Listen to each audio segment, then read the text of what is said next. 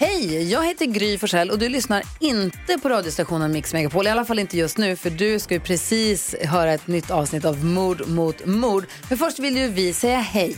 Hej, hej, det här är NyhetsJonas. Det här är Carolina Widerström. Och här är Gullige Dansken. Ja, och så Gry då. Och det vi vill säga att när du har lyssnat klart på den här podden, då får du gärna lyssna på våran. Vi spelar in ett nytt avsnitt varje morgon av våra podd Kvartsamtal. Och hela radioprogrammet blir ju också en podd om man är väldigt morgontrött eller så. Just det, om man missar morgonen ja. Men mest av allt så får du gärna lyssna på programmet i direktsändning varje morgon på Mix Megapol. Live varje morgon från klockan sex och då har vi med oss massor med vänner också. Thomas Bodström, Babben Larsson, Johan Pettersson, Christian Luuk. Massor med coola människor som bara dyker upp och gör livet bättre. Ja, som jag, Gullige Dansken. Exakt så. Och så mycket bra musik och annat skoj såklart. Så vi hörs när du vaknar på Mix Megapol. Radio play.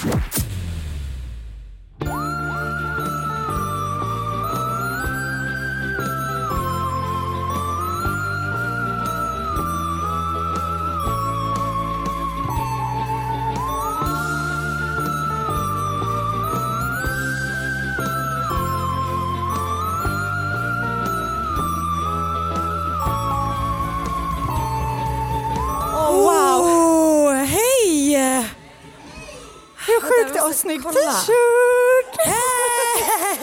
Love it! Oh, hej allihopa! Hur det är så mår mycket ni? ljus.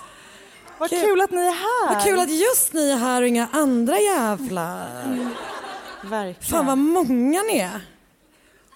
Mm, det är helt otroligt. Tänk att det bor så många i Norrköping som gillar mord. Det var det sjukaste. Tänk att det bor så, jag trodde du skulle avsluta med Tänk att det bor så många i Norrköping, punkt. Och då kändes det som att nej. Nej, nej, nej. Backa, plura inte ens här. Exakt. Ehm, hur mår ni?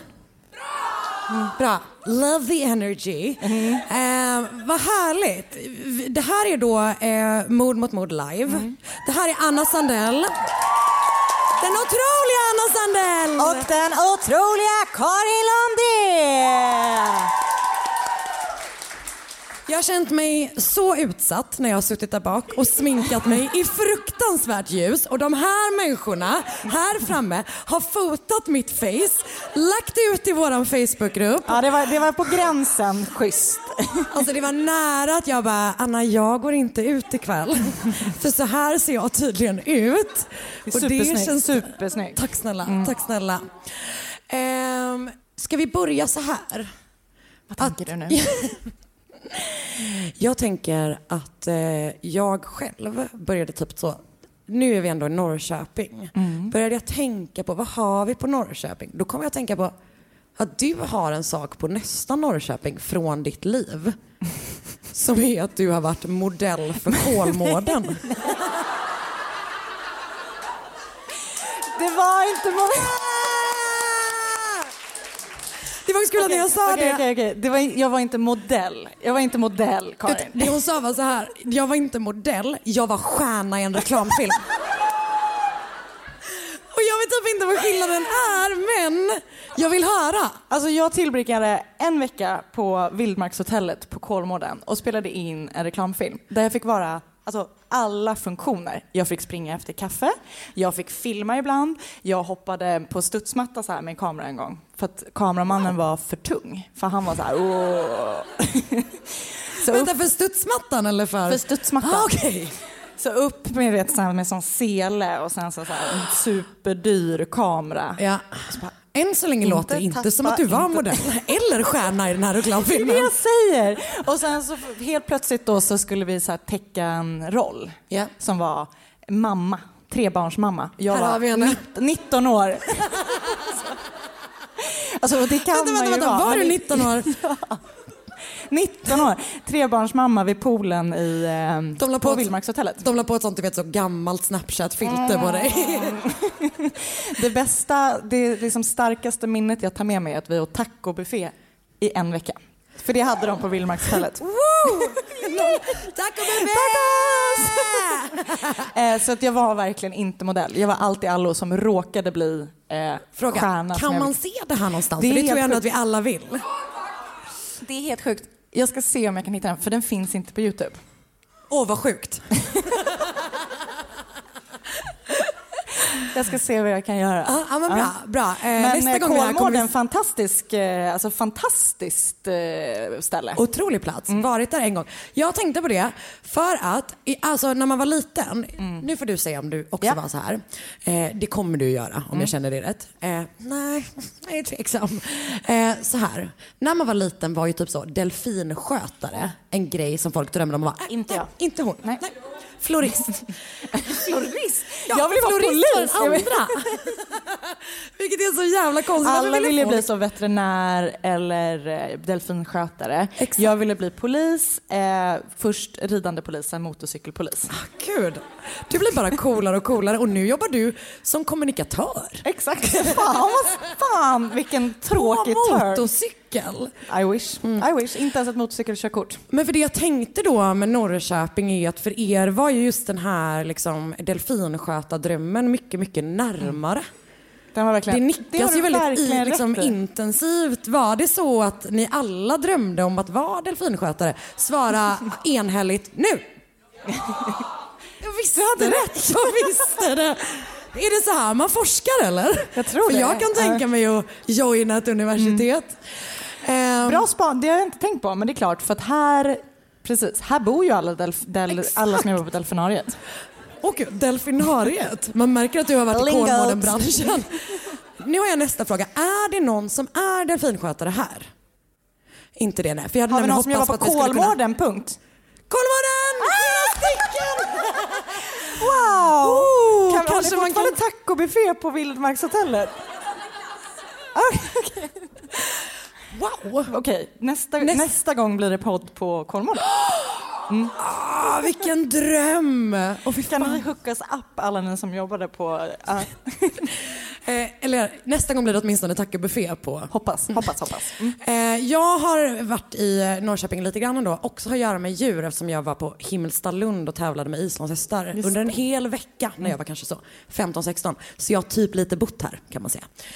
Ehm, och det, mitt starkaste minne från det, apropå att vi typ så, eh, jag kommer tänka på det när, jag satt och, där, när vi satt där bak och sminkade oss, att jag lärde mig en sminkteknik när jag var här som jag aldrig har sett någon använda varken eh, innan eller efter. Jaså? Och då vill jag inte lägga den här skulden på er från Norrköping utan det var någon annan sån eh, vidrig, rik eh, hästtjej som, eh, som kom och bodde i en stuga här ett tag. Då var det alltså, kommer du ihåg när det liksom var en grej att man, när man sminkade sig så skulle man ha så mycket mascara så att det var såna spindelben. Klumpigt. Ja, ja, ja, ja, ja. Och Men då- säger du att det var en trend? Nej, nej, nej. För att, Ah, ah, ah. Okej, okej, nej. ah, du tänker bara att det var att man var dålig på att sminka sig? Kan ha varit. Jag- jag tänker att vet det var inte. det. Men nu ska jag berätta vad den här tjejen gjorde för att det visste man ju om. Ja, mycket mascara, klumpar. Själv var jag ju sån liten indie-poppare så att jag var ju mer så svart med eyeliner och stjärnor under ögonen gick jag runt med i stallet så. Ehm, men den här tjejen hon hade liksom så extremt mycket mascara och sen så satt hon alltså varje morgon på den här liksom islandshästtävlingen. Det fanns en hon var ändå straight. Jag tänker att, man ville, att hon ville imponera på liksom killar, eller vet att hon ville för att hon försökte verkligen ragga på den här tävlingen. Men den enda killen som fanns där var en holländare som hette Pim van der Slot. Han började gråta när jag vann över honom. hon Han var gjorde- inte assexig liksom. Men det hon gjorde då var att hon eh, varje morgon alltså, tog en nål Ja, och sen ja, ja, petade igenom Men det fanns alla inte en sina sån ögonfransar. kam också? Ja, men det hade hon inte. Det Men för det där en känns som ett sånt riktigt- Vänta, vänta, vänta. Var din reaktion? Ja, ja, ja, ja, ja, ja, ja, ja, Nej, men, ja, men det, det känns, men det är inte det någon sån så här, eh, sminkning från typ eh, något Vad? tiotal bak. Men, men ska man verkligen... Att man liksom jag, jag känner igen det där. Men jag, jag, känner, jag känner inte igen att det var en trend att man skulle ha så mycket mascara på sig. För jag, jag kommer nämligen ihåg en gång att en, ehm, en kompis, eller en tjej som jag gick i samma klass som, sa så lite så här, hon, hon var liksom lite, hon, hon, var, hon, var lite, hon var en mobbare. Var hon. Hon var mobbare. Hon var rakt av en mobbare. Och det kan vi väl ändå säga Norrköping? Och så sa hon typ så här till en tjej.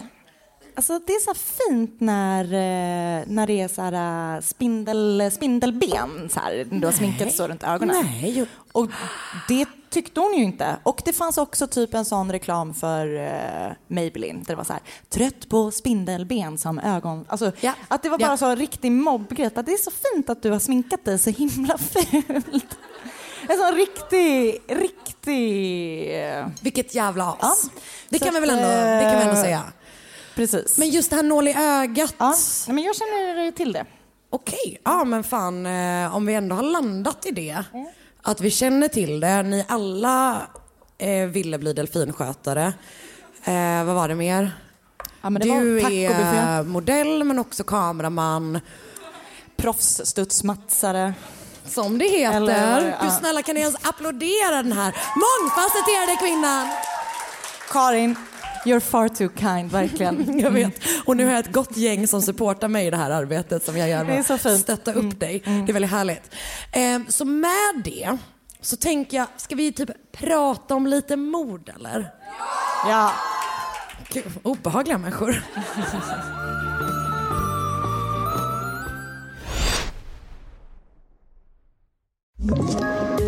Poddtips från Podplay. I podden Något Kaiko garanterar östgötarna Brutti och jag, Davva, dig en stor dos skratt. Där följer jag pladask för köttätandet igen. Man är lite som en jävla vampyr. Man har fått lite blodsmak och då måste man ha mer. Udda spaningar, fängslande anekdoter och en och annan arg rant. Jag måste ha mitt kaffe på morgonen för annars är jag ingen trevlig människa. Då är du ingen trevlig människa, punkt. Något Kaiko, hör du på Podplay. Därför är gardinerna. Ska vi... du som börjar. Jag, Ja, det vill är bara, jag sitter och håller i mitt det manus. Lägg ner det här, lägg ner det här. Mm. Ehm, så vi har liksom eh, delat upp det så här att eh, jag kommer berätta om ett lokalt fall. Eh, Anna, Anna, du kommer berätta om ett icke-lokalt. En heavy hitter. En så kallad heavy hitter. Eh, jag hade problem när jag skulle hitta lokala fall från Norrköping. För att vi vill ju inte göra liksom för nya fall ehm, och vi vill inte Ja, det, vi vill inte sitta här och berätta, vi vill sitta här och berätta hemska saker för er men inte sådana hemska saker så att ingen av oss kan hantera det. Eh, så det var svårt. Det var jätte, jättesvårt. Eh, ni verkar vara smarta som bor här. För att inte så mycket mord ändå. Och inte heller, alltså för jag gillar så gamla, gamla konstiga mord och jag grävde och grävde och grävde och det var liksom skitsvårt då. Så först var jag liksom inne på att jag skulle göra en så här rymning från Norrköpingsanstalten. Mest för att Anna älskar rymningar. Så sjukt spännande. Och jag tycker väldigt mycket om att göra Anna glad. Ehm, så då, då fanns det liksom där när Clark Olofsson rymde från Norrköpingsanstalten och eh, då körde de in en liksom lastbil genom så här. Eh, kolla, hon blir så glad! Jag säger ju det! Oh, han körde in, de körde in en lastbil genom så här, mm, porten och du vet han och tre andra rymde och det slutade tror jag med att Clark Olofsson så sprang naken genom en villaförort till Båstad typ. Eh, men det ska jag inte berätta om. Ehm, Jag vill höra mer. ja, men vänta. Ja, för grejen är att nu har jag bara några olika rymninghistorier för att jag tyckte att det var roligt. Ehm, så att jag sket i den. Ehm, så då, nu tänkte jag liksom bara berätta två stycken andra rymningar från en person där bara den första rymningen har Norrköpingskoppling. Det här är inte mitt fall, ni behöver inte oroa er. Utan det här är bara liksom en extra liten present till er. Ehm, har ni någon koll på Ioan Ursut? Han kom till Sverige från Rumänien 84 och dömdes för så här, vapeninnehav, rån, bedrägerier. Du vet lite sådana saker. The huge, exakt. Men det han framförallt blev känd för var ju då att han eh, rymde. Han rymde väldigt, väldigt mycket. Och eh, första gången han rymde så var det just från Norrköpingsanstalten 1988. Lyssna vad han gjorde då. Kolla! Kom, alltså nu, ni måste ju förstå varför jag vill göra den här älskvärda personen så glad. Du är så gullig. Jag vill verkligen bara säga det, att du är den gulligaste jag vet. Oh, Okej, också Okej, det berätta. lilla fnisset av rymning.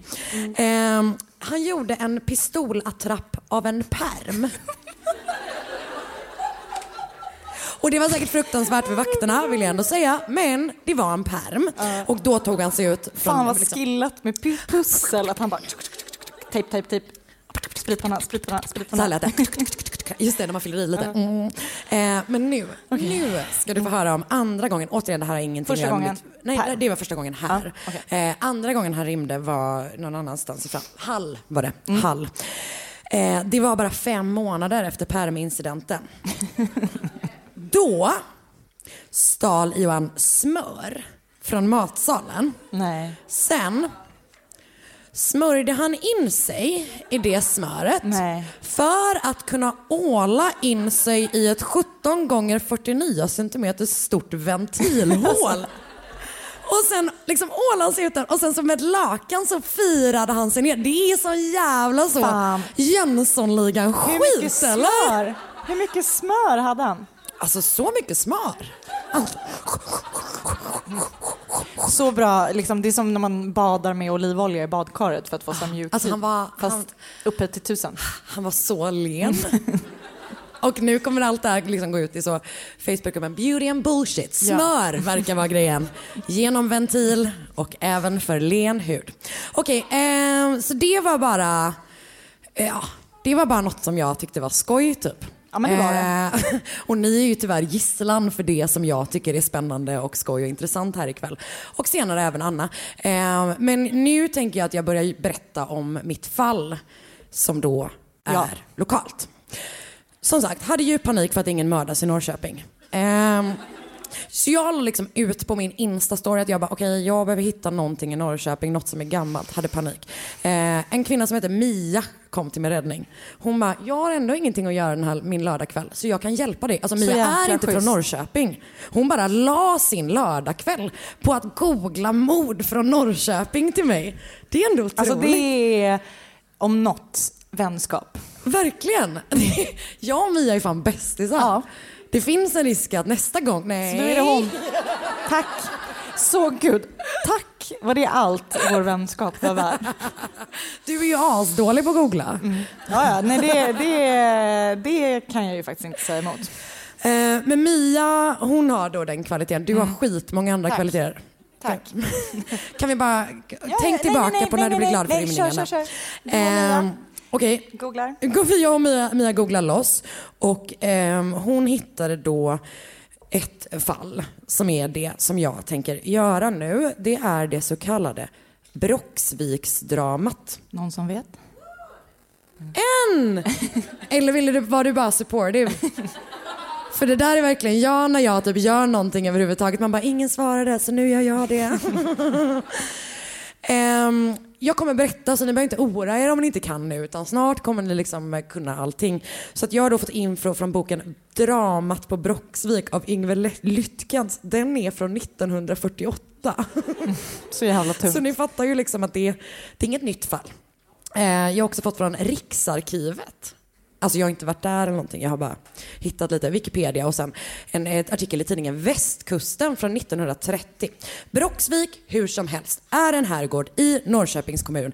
Kanske inte i Norrköpings stad, jag vet om det. Men jag körde på kommun och nu är det så. Eh, det ligger i Vikbolandet. Är det Vikbolandet. Ja, perfekt. Eh, och stämmer det om jag säger att det är typ fyra mil från stan? Det börjar och sen så är det längre kanske. Ah, jag förstår. Ja. Det är hela... Någonstans mellan fyra mil och uppåt. Eller, ah, okej, ah, mm, ah, bra, vi kör, vi kör. Ehm, den här gården då såldes och gick i arv till höger och vänster tills det tillhörde en gubbe som jag tror hette L-A-F-G, alltså med punkter emellan, von Rök von Block. Dubbel, eh, dubbeladlig. Japp. Och det kommer tyvärr alla ha, så att det kommer bli en lång kväll. Ehm, alla som hade den här gården skulle tydligen lägga till von Block. Inte. Så när han då dog 1807 så gav han Brocksvik till sin systerdotter Betsy von Rök som då kommer att heta Betsy von Rök von Block. Och det är då med Betsy som eh, föddes 1841 som vår historia börjar. Betsy gifte sig med en snubbe som hette Evert Taube. Jaså? Nämen, nämen. Men inte Eh, den Evert. Nej, nej alltså det är också när man börjar säga, man har jag hittat på det här? Har Mia hittat på det här? Det kan, kan, finns en risk att Mia har hittat på. Ja men vet du vad, då har hon slängt ihop ett gäng Wikipedia-artiklar och löst skiten så att jag kommer köpa det här rakt Ja, ja, ja. Som sagt, Betsy Evertorp, han har varit i armén, blivit kammarherre. Vilket verkar vara att man jobbar någonting med kungen. Jag vet inte. Hovet kanske en förste. Någon slags person som hade någon koppling till... Ja, ni fattar. Eh, ni fattar inte och det gör inte jag heller. Och det är lugnt. Så de flyttade då in på Brocksvik 1889 och då fick han namnet Evert Taube von Block. De får sex barn, tre söner, tre döttrar. Och där den äldsta sonen, det här är en anledning till att jag säger det här är för att han kommer komma tillbaka sen. Han heter också Evert Taube. Perfekt. eh, och de verkar liksom haft det typ så bra som man kunde ha det i Sverige på 1800-talet. Det vill säga väldigt mycket bättre än de som hade sämst i Sverige på 1800-talet. Eh, de håller på att fixa lite med gården så här, men vet sönerna får åka till Stockholm och plugga och det finns något som heter skolhushåll som är att de får med sig ett gäng typ tjänare tror jag Mm. som tar hand om dem. Eh, de har det nog ändå liksom, det, det är decent. Under 1894 och 1895 är en besökare återkommande på Bro- Brocksvik och hon heter Helga Davida Fägersköld. Eh, hon är född, kollade på dig som att du skulle känna någon som heter Davida. Jag gör inte det faktiskt, alls. Men du gav mig ändå Ja, det- a nod of tänkte- ja, det var- approval. ja. Kör bara. Hon föddes 1871 och är typ lika gammal som liksom så barnen på, eh, på gården. Eh, hennes, jag har skrivit så här, hennes mamma var död sedan tidigare. Ja, ja. Eh, Helga hade i alla fall lärt känna familjen Taube von Block von Trök, eller vad de hette, några år tidigare. För att hennes pappa jobbade liksom någonstans utanför Söderköping och då var hon lite där, ni fattar. Eh, då, då, och sen hösten eh, 1895 så flyttar hon in på Brocksvik och bor där ett tag. Liksom. Men hon var bara... Hon är typ en random person, men hon kommer senare att förlova sig med Evert Taube den yngre. Så, okay. Och ingen av dem är alltså Evert Taube. Varken den äldre Men det hade ju varit mer yngre. rimligt om hon kände dem och bodde där. Ja, men hon känner dem för att, på något sätt. Ja, det var just där, med Söderköping. Mm. Det var något, men också det man bara, hennes pappa jobbar vid Söderköping så här är hon i Norrköping. Alltså, Mm. Jag vet inte. Eh, Okej, det problemet med det här är att eh, ett, det är ett väldigt gammalt fall. Två, det har gått igenom mig. Så att eh, vi kör. Hon kommer som sagt då förlova sig med Evert Taube den yngre, bla, bla bla bla. Innan förlovningen så händer något väldigt dramatiskt på gården. För den 26 november 1895 blir pappa Evert Taube sjuk. Han har ätit abborre till middag. Efter det får han ont i magen. Eh, och senare så liksom. Är det arsenik? Du vad det är? Inte. Men du är inte långt ifrån. Sorry. Ehm, Du vet hur mycket jag gillar att gissa. jag vet, något jag hatar. Ehm, alltså jag gillar när du gör det, jag bara hatar att göra det själv för att jag hatar det. Jag är väldigt rädd att ha fel. Eh, vi pratar om det sen, nu inte. Han får liksom, alltså typ så han har ont i magen först och sen så liksom flyttas det lite grann. Han får liksom ont i hjärtat. Han blir sängliggande. Och under så här de kommande veckorna så blir han bara sämre och sämre. Och till slut eh, så är det liksom så här Betsy, äldsta dottern i huset som heter Augusta, två olika läkare och så då Helga som liksom vakar över honom typ dag och natt för att han är jättejättesjuk liksom. Och eh, det är Helga som är med honom under hans sista natt i livet.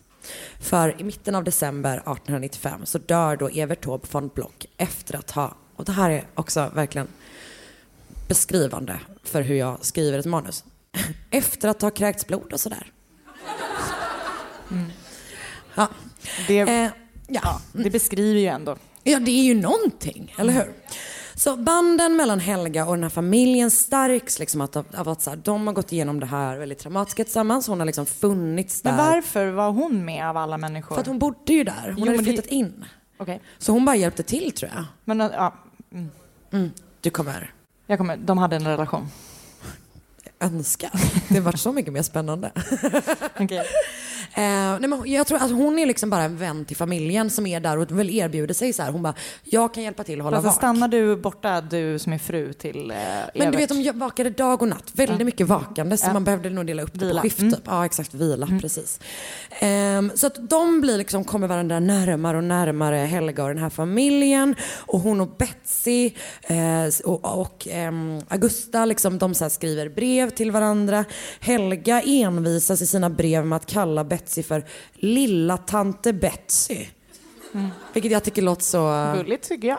Tycker du det? Jag tycker att det låter som att så här, hon är ur, en uråldrig person. Lilla tante Anna. Jag tänker att... Trebarnsmor. Älskar Kolmården.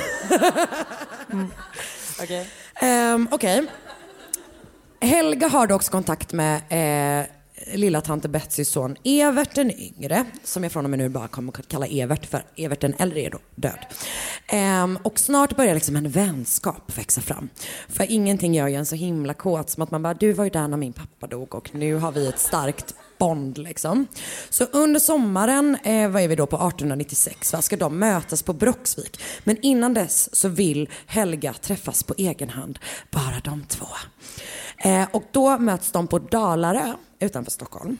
Och där berättar Helga den enorma betungande hemlighet som hon nu burit på i typ ett halvårs tid. För att Evert Taube den gamle har inte dött av dålig abborre eller av något annat naturligt. Utan hans fru, Betsy von Röck von Block, har mördat sin man genom att förgifta honom, inte med arsenik, utan med sublimat. Vilket låter asmycket bara som någonting som man tycker är så dåligt i tänker att buljong det, typ. Ja, precis. Jag tänker typ på aromat. Ja, någon sån, exakt. eh, Att det är något sånt som så här antivaxare är så här, inget sånt för mina barn. Men det det är, är, eh, det är ett annat namn för kvicksilverklorid. Så det säger hon då, så här, hon bara, din mamma, du vet din mamma, eh, hon mördade, du vet din pappa, han dog. Hon mördade honom med kvicksilverförgiftning. Och en märklig grej med det är att Evert då istället för att vara så här, ge kvinnan som har tryckt honom ur sin kropp, åtminstone the benefit, benefit of the doubt, säger man så? Ja, ja. Tack för stöd. Ehm, så köper han liksom Helges historia direkt. Han bara, ja, det kunde man ju just räkna ut att lilla tante Betsy var en jävla giftmörderska liksom. Det är ju jättespeciellt. Um, hon kanske var great in bed, vad vet jag? Antagligen. Eh, antagligen, exakt. Så att Helga får då, hon liksom delar med sig den här fruktansvärda hemligheten och sen så får hon Evert att lova att inte berätta för någon. Fan, det är den också. Det där är så...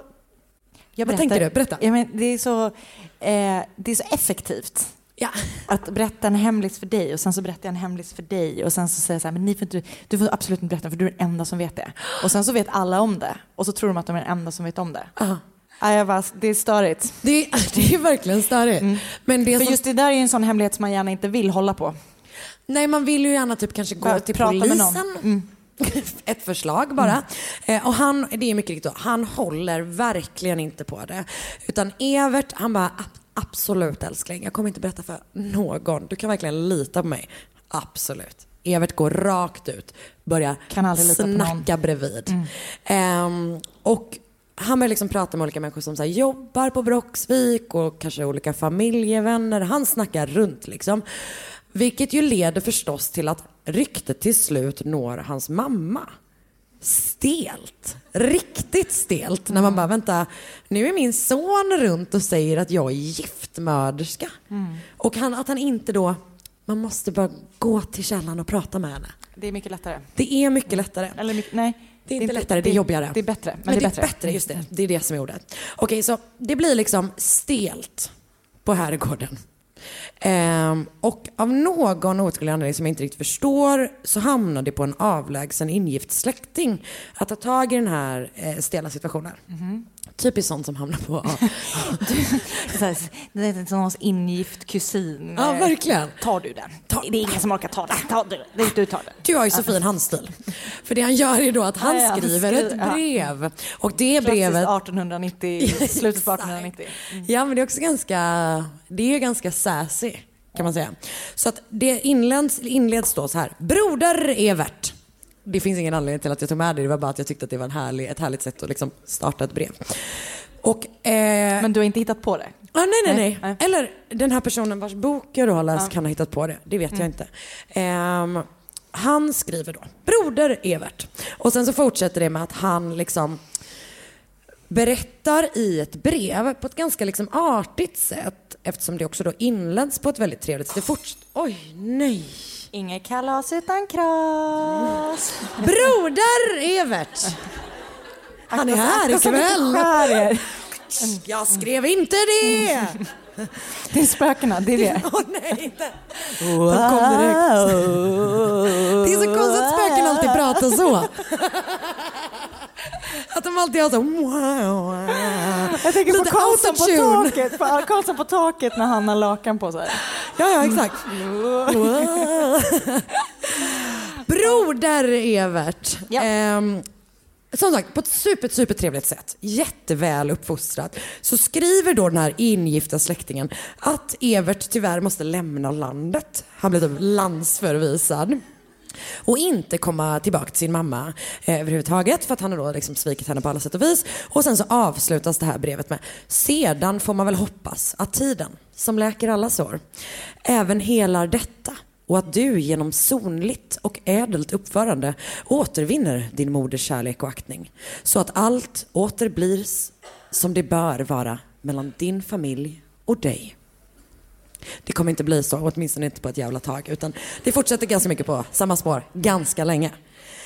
Så att det här blir ju liksom en otroligt då infekterad familjefejd som leder till att Helga och Evert ser till att Evert Taube den äldres kropp under hösten 96, så typ ett år efter att han har dött, grävs upp och testas, alltså obduceras. Mm. Vilket också så här, vad hade de för sån teknik på den tiden? Jag tänker typ att det bara var någon som slickade. De bara, "Ah, ja." Jag tänker att man slickade honom i pannan och bara, uh, äckligt gift. Man bara, ja han har legat, han var död i ett år. Jag tänker att de ändå hade då jag, det här grundar jag på känsla. Bra. Jag tänker att de hade ändå börjat med såna här äh, burkar med kroppsdelar i som de testade på vad som hände. Men var det inte bara att de liksom la in dem? Det känns mer som att de bara hade dem for show Kanske. än att de gjorde jag något med dem. De hade, de hade i alla fall börjat med något. Ja, det var någon skit var på gång. Ja, det har du verkligen, verkligen rätt i. Eh, och de lyckas ju göra någonting för att det, man kommer fram till att, att det då finns spår av arsenik, vilket tydligen ofta blandas ihop eh, med, eh, eh, vad, vad sa jag, sublimat. Eh, så att man hittar liksom mycket riktigt någon skit i Evert Taube, den dödes kropp. Eh, ryktena blir till rättssak och Betsy häktas för mordet på sin man. Huckerstads tingsrätt, tydligen. Där äger det rum. Jag vet inget mer- om det. Jag hade bara skrivit upp det. Eh, Betsy, jag hade hoppats att det skulle vara så. Alla bara Höckerstads! Bästa tingsrätten. så blev det inte. Eh, Betsy von vad sa jag att hon hette? Trök har jag skrivit verkligen på riktigt här. Rök von Bonn eller något. Bolk.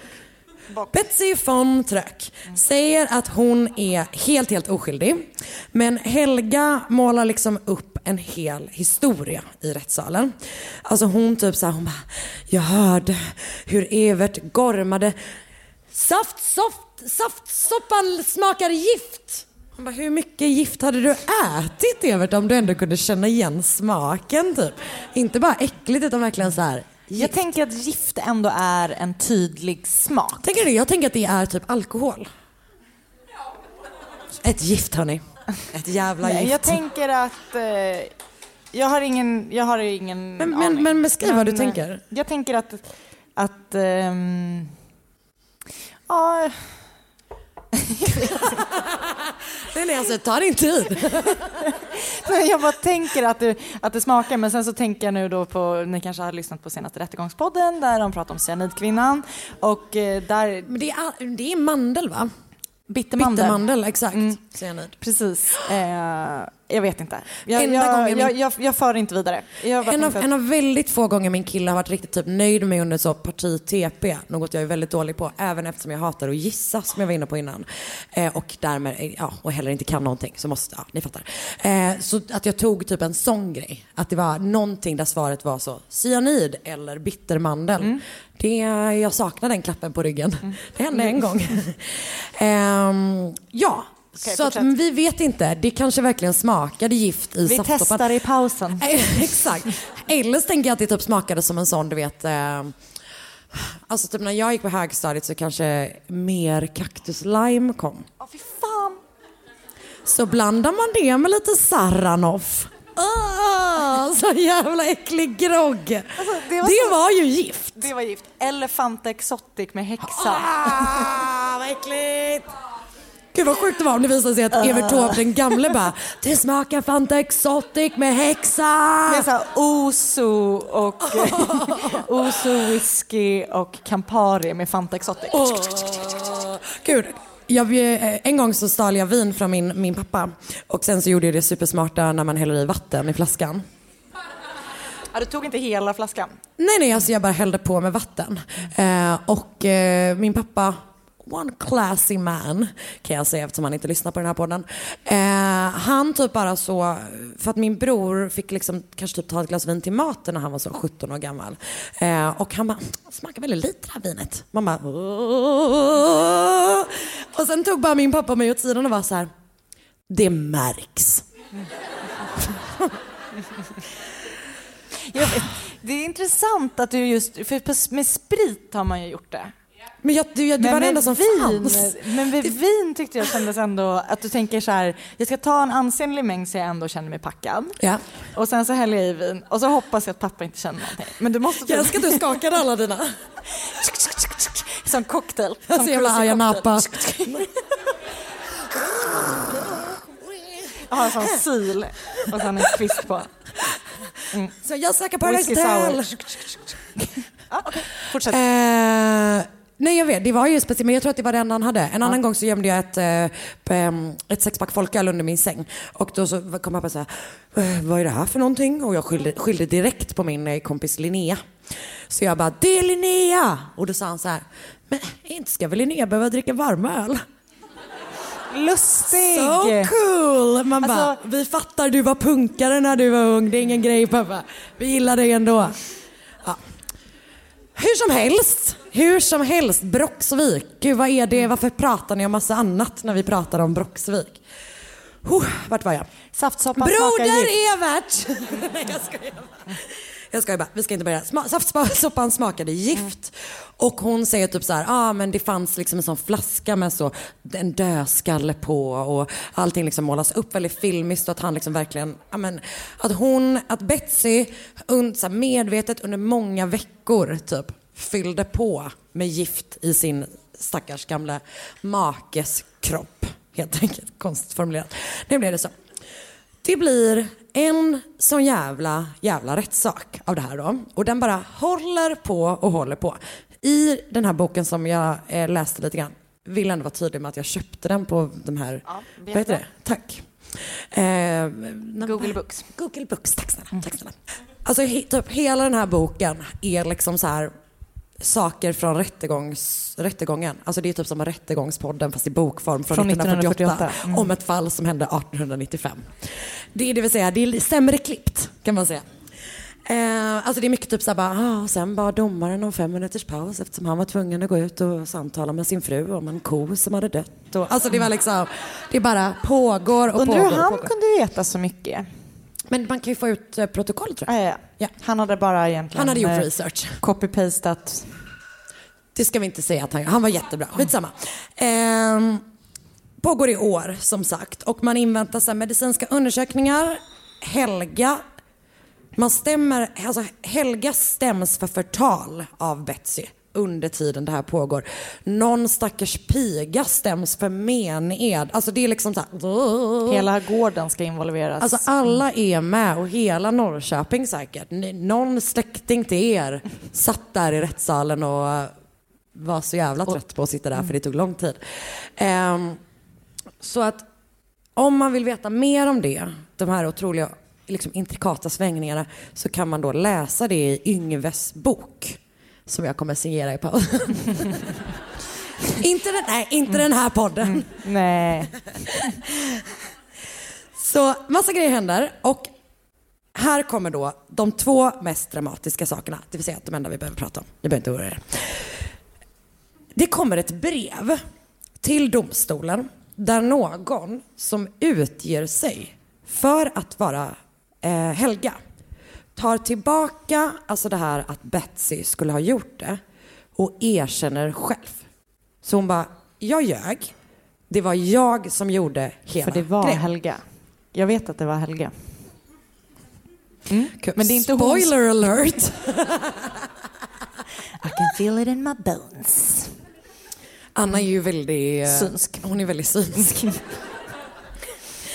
Och också väldigt nöjd när hon kommer på saker. Men jag vill vara tydlig med att det kommer hända mycket mer spännande Okej, okej, innan, innan du kan vara självgod. Okej. Eh, eller du kan vara det redan nu under hela tiden Absolut. löpande liksom. Men låg, ja. Mm. Så att det här brevet kommer. Men det kommer dagen efter en annan väldigt spännande händelse har skett. För att Helga Fägerskjöld utsätts för ett mordförsök i Stockholm. Hon får en anonym lapp skickad till sig där hon, antar att det är ett brev då helt enkelt, en anonym lapp. Så i skolbänken. jag vet inte. Ehm, hon uppmanas att infinna sig på typ en viss specifik plats, som jag inte minns vilken. Alltså hade det varit Stockholm hade jag vetat det nu. Men ni skiter ju för fan i Stockholm, snälla. Ehm, och, och det står typ så här, ja, om du behöver få reda på information som vi har om det här fallet mot liksom Betsy.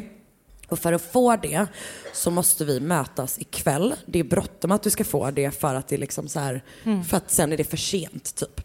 Så att hon måste då skynda sig till den här anonyma källan och den här platsen som den här anonyma källan har sagt att hon ska komma till. Personen har förstås skrivit att hon, inte, att hon ska komma själv. Att det liksom är så här, ja, du får inte ha med dig någonting och, och, så, och ingen får Är hon och efter dig. Evert fortfarande i en relation? Ja. Och hon, det hon gör då, som är typ ganska smart. ehm, hon tar med sig typ två kompisar som får liksom i så uppdrag att bara, eh, de delar på sig och sen så bara gå förbi den här platsen tio minuter senare för att typ kolla läget. Men när de kommer dit så har Helga redan attackerats och ligger på marken och blöder.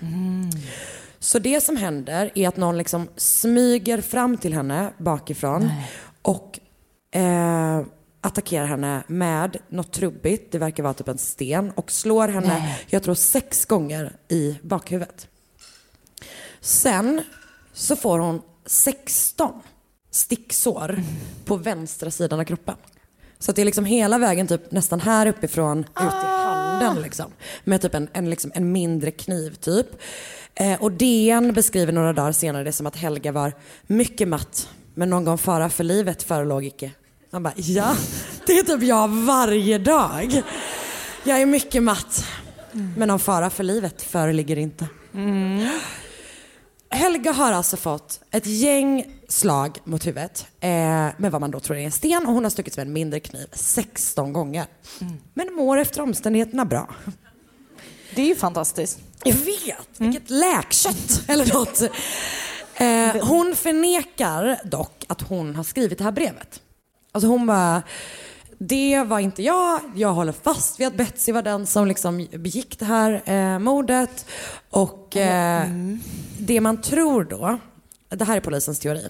Någon har försökt mörda Helga innan hon fick reda på att det här brevet kommit så att hon liksom inte skulle kunna bestrida det som stod Nu är i jag orolig brevet. att det inte är Helga och att jag kommer ha fel. And that was vill, my plan all along. jag vill slänga in en ny. Jag tror att det är Evert den yngre.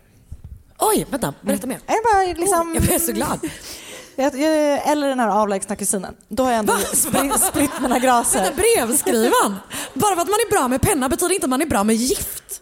Kan vara. Kan vara. Nej men jag tänker att det kanske var någon sån arvstvist eller um, något.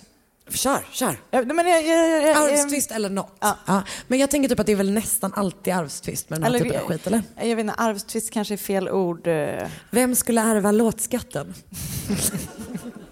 Okej, okej fortsätt, fortsätt. Okej, fortsätt. okej. Det är bara det att ett par dagar senare så besöker polisen Helga igen. Och då kommer man fram till att hennes skador inte är så allvarliga. Hon har Absolut. slagit sig själv. Hon har 16 hugg mot liksom vänstersidan. Det är bland annat tre pyttesmå sår i handen. Man Det- blöder otroligt mycket i handen. I, alltså i handflatan? Nej, på fingrarna blöder man mycket, men inte i handflatan. Man har väl aldrig... Vi, vi testar i pausen. Vi testar i pausen. Kan du som pajar ditt glas innan ge mig en skärva och så testar vi i pausen. 16 små hugg, tre pyttesår i handen, eh, några liksom sår som visserligen blött men väldigt, väldigt lite. Någon liten rispa. Ja. De fem, sex hårda slagen i bakhuvudet har resulterat i en bula och ett skrubbsår. Var kom allt blod ifrån då? Sa jag att det var jättemycket blod? Nej. jag vet inte. I mitt huvud var det det. Ah, ja, men- Och i mitt huvud har jag också en plats där hon har blivit attackerad i Stockholm. Okej, men Eh, som är jag vet inte heller vart någonting ligger i Stockholm så du Okej. kommer behöva förklara väldigt det är noga. bakom det amerikanska eh, liksom ambassadresidenset. För där är liksom... Så specifikt! Bakom den amerikanska ambassadresidensen. Jag ska visa dig, så kommer du förstå. Nej, jag orkar inte gå dit och bli attackerad. Jag lovar att du inte ska bli det. Okej, så. Polisen och pressen och allmänheten blir alltså övertygade om att Helga har fejkat sitt eget överfall. Det egna mordförsöket. Svårt. Ehm, och det här ska då vara liksom hur förloppet har flutit. Det är väldigt märkligt. Vi kan avgöra sen om vi, om vi tror på det här eller vad vi tror på. Ehm, men det man säger då är att brevet där hon erkände alltså att det var hon som hade begått det här mordet, det var skrivet av Helga. Men efter att hon hade skrivit det fick hon panik. Ni vet när man gör någonting och så man bara ah, borde inte gjort det? Hela tiden. Ja, exakt. Varje dag. Du senast idag. Prata inte om det. Jag får, jag får, jag får skamkänslor av att tänka på det. Okej, vi går vidare. Ja. Så att hon har skrivit det här brevet, skickat det och så bara, men gud, vad har jag, nu har jag erkänt ett mord igen. Ah, varför gör jag det här hela tiden? Man vill bara recalla ett mejl. Ångra, ångra, ångra, ångra, ångra. Exakt så.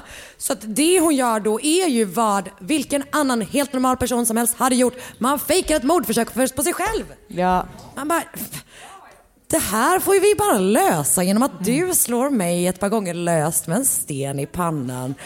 Och sen tar jag med mig ett Hade du litat på mig? Nej. Jag, så jag hade aldrig vågat ge den uppdraget att bara slå bara löst så att det bara blir, ser ut som att det är, Fråga. men att det inte är. Den du hade mest likely litat på? Säg, säg bara mig. Ja men det är väl du eller Oscar? Okej, vi fortsätter. Vi fortsätter. Eh, så hon har då insett att så här bara, fuck, typ, jag borde inte ha skickat det här brevet när jag erkänner den här lilla grejen att jag mördat min numera typ svärfar. Jag fejkar mitt eget mordförsök och då är då tanken att polisen ska göra de slutsatserna som de gjorde från början, det vill säga så här, ah, det var någon som tänkte mörda henne. Ja. Ni fattar, det här är ju ingen superteori. Nej. Det kan vi väl ändå vara helt ärliga med. Men frågan är typ så här, vad hade varit en su- Det vet jag, tänkte liksom inte heller. Och, och måste den vara en superteori? Nej, alltså man kan ju också bara vara typ dålig på att vara brottsling.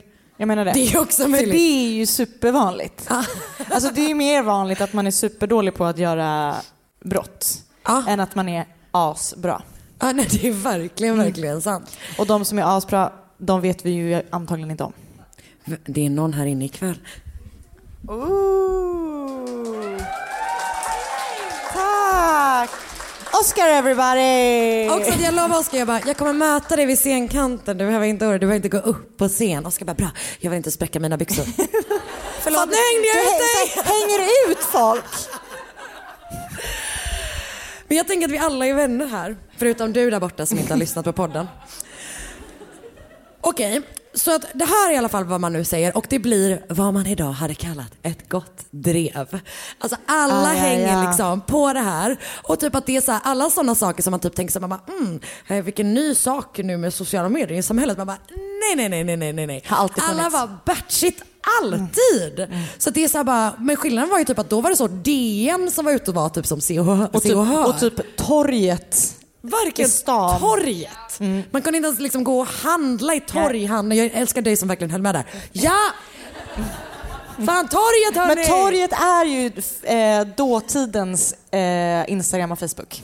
Och det här eh, kommer ni kunna höra mer om i Annas föreläsning som hon vara ute och turnera med senare. Förr och nu heter den. Torget förr och nu. Väldigt generellt. Förr och nu. Bara allt förr och nu. Så det här blir liksom, det blir total kaos. Och inte nog då med att hon målas upp då förstås som en giftmörderska eh, och antagligen tror man då, eller motivet som föreslås är ju då att man, eh, att hon vill liksom genom sin romans med Evert Taube den yngre f- lägga vantarna på Broxvik Jag menar det. genom att se till att liksom mamman är ute ur bilden. Så mördar pappan, skyller det på mamman. Då har hon plötsligt tillgång till gården direkt för att Evert Taube, den yngre, är den äl- han är äldst av syskonen. Så helt enkelt. Ehm, så att man säger då delvis det, att det är liksom så här eh, motivet och allting. Ehm, hon, men det är också den här grejen som är, känns lite tokigt kanske, att man fejkar sitt eget mordförsök. Det är lite tokigt. Det kan man väl ändå säga. Man har inte liksom stenkoll på allting. Nej. Eh, men grejen är att det finns en till grej med Helga som pressen liksom äter upp och det är att hon eventuellt verkar ha fött ett barn utanför äktenskap. Oh, oh. Absolut! Mörda din svärfar all you want, fejka ditt eget mordförsök, skyll på din svärmor. Men out of wedlock. Din lilla...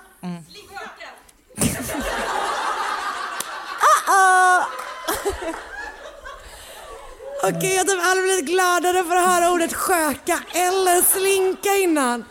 Jag såg det inte som en sån karaoke-grej men det blev det. Det var härligt. skithärligt. Fan testa det i ditt fall sen. ska Det se. kändes skitbra.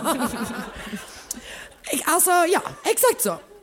Ehm, så hon, alltså hon var ju visserligen förlovad och barnet var ju Evert Taube den yngres. Men ändå, ändå. Första raden, dömer ändå. Precis. Här har vi dem. Så hon var liksom en girig mördare, en dålig skådespelare med Och en dålig kvinna. och en dålig kvinna. Alltså verkligen. Och vet du vad hon var mer? En hysterika. Det värsta man kan vara, glöm aldrig det. Ehm, också härligt. Man har ju varit en god hysterika många gånger i sitt liv. Okej. Mm. Så det är liksom bara en tidsfråga innan Betsy från Rök. rök. Eh, von Taube. Något. Friades från liksom alla Brök? misstankar. Betsy, jag har skrivit brök nu och det jag kan typ heller inte avgöra om det här är ett skämt jag skrivit in för mig själv eller om jag bara har tappat bort namnet under tiden. Skitsamma. Rök. Eller? Ja. Ja. Bits, Betsy, Betsy. von Brök von Trök eh, friades från alla misstankar och man inleder då en rättegång för mordet på Evert Taube mot Helga Fägerskjöld. Och nu tycker Evert Taube den yngre att ah, nu är det lite för mycket för mig. Nu känner jag ändå att det är läge att göra slut. Man bara, du har varit med hela den här tiden. Det har liksom varit kaos och katastrof. Från Ni blev kära för att hon anklagade din mamma för mord. Ja. Han hade kunnat backa tidigare i det jag säger. Men som vi vet, kärleken är blind och döv. Eh, så att eh, han, men nu är de slut liksom. Och i rättegången mot Helga så håller hon då fast vid två saker. Hon har inte skrivit brevet med erkännandet. Och ännu viktigare, hon har inte mördat gubben Evert Taube. Hon håller kanske fast vid fler saker, men det jag tycker det är ändå det viktigaste. Och ehm, det här liksom att hon faktiskt är, alltså det fanns någon liksom grej att hon kan ha sagt någonting till någon polis, bla bla bla. bla. Det fanns teorier om att hon kunde ha gjort någon, vissa saker för att täcka upp att hon hade fött barnet. Alltså, allting är väldigt, väldigt oklart men hon är så här, jag är inte mördare och jag har ehm, inte skrivit det här brevet. Så att till slut läggs rättegången mot Helga ner. Så att skillnaden mot typ henne och Betsy, Betsy frias. Helga frias inte. Men man är så här, ja, vad är ens bevis på den tiden? Ett erkännande. Det är typ ett erkännande, vilket vi alla vet ofta är falskt. Inte ofta, men ibland. Ehm, så att hon släpps liksom. Totalt fri kvinna, förutom då att hela jävla Sverige tycker att hon är en galen person. Ehm, så hon gör liksom det som alla, eh, tror jag egentligen hade gjort. Hon flyttar till Amerikat. Ja. Att man är såhär bara, fuck you guys. Ja, ja, ja, ja. Jag ska åka och vara en hysterika där borta. Så att hon drar då dit i början, eh, liksom typ precis i eh, sekelskiftet, eh, 1800-1900-talet. Och där gifter hon sig med en man som heter Raymond White i Chicago. De skiljer sig ett par år senare. Sen jobbar hon som sjuksköterska och typ som hembiträde. Men 1930 står hon framför en domare i USA. Ah, nej, det är inte så spännande alltså. Jag ville bara ta med det ändå. För att eh, hon är alltså 59 år gammal, vilket känns som att man är typ 159 idag. Alltså med den, du fattar? Ja, man blir inte så gammal då, är det jag försöker säga. Helga Fagerskjöld döms i alla fall 1930 till 11 månaders fängelse för att hon har stulit juveler. Ja, ja, ja. Ett av mina favoritbrott, juvelstöld. Känns fan kanon Så jag. mycket Oceans Eleven. Ja exakt, för jag eh, tror verkligen att det bara var att hon typ så, den tar jag. Lägger i fickan på förklädet för att det var där hon jobbade. Eh, Så jag tror verkligen inte alls att det var, det var liksom spännande. Men hon dör 1958 i New York och vad som händer med familjen på Broxvik eh, vet jag inte. Men det jag vet är att det sägs Att det spökar att det där. spökar där! Och att det är Evert Taube den äldre! Så att det jag tänker att vi gör efter när vi är klara här. Wow. Oh, då sätter vi på oss spökkostymer och sen låter vi så här en stund. Men- Mm. Ja. Så det var Broxviksdramat. Er alldeles egna kriminalhistoria. Bravo! Henne ska vi ha. Har du någon, har du, har du eh, vad tycker du? Vad tänker Sjukt spännande, du? sjukt spännande, sjukt, Verkligen. eh, Ja, sånt, Vin på mig eh, själv. Tur att jag har på mig svart. svart. Sjukt så 1800-talsaktigt. Allt med det. Allt med det var 1800 älskar det. Jag är väldigt förtjust i sådana konstiga gamla historiska mode för att folk håller på med så fucking konstiga grejer. Eh, som man verkligen inte förstår. Ganska mycket är ju såhär, den här var kanske inte det. Men att folk har typ alltså skrivit en lustig sång om mordet. Det tycker jag är kanon typ. Det är det. Men att folk brukar vara såhär, de bara Ja, den här nya true crime-vågen, vad är egentligen det? Man bara, eh, folk gick på avrättningar förr i tiden, så kom inte hit och kalla oss för konstiga. Jag ville bara säga det. Ett poddtips från Podplay. I fallen jag aldrig glömmer djupdyker Hasse Aro i arbetet bakom några av Sveriges mest uppseendeväckande brottsutredningar. Går vi in med hemlig telefonavlyssning och, och då upplever vi att vi får en total förändring av hans beteende. Vad är det som händer nu? Vem är det som läcker? Och så säger han att jag är kriminell, jag har varit kriminell i hela mitt liv men att mörda ett barn, där går min gräns. Nya säsongen av Fallen jag aldrig glömmer på Podplay.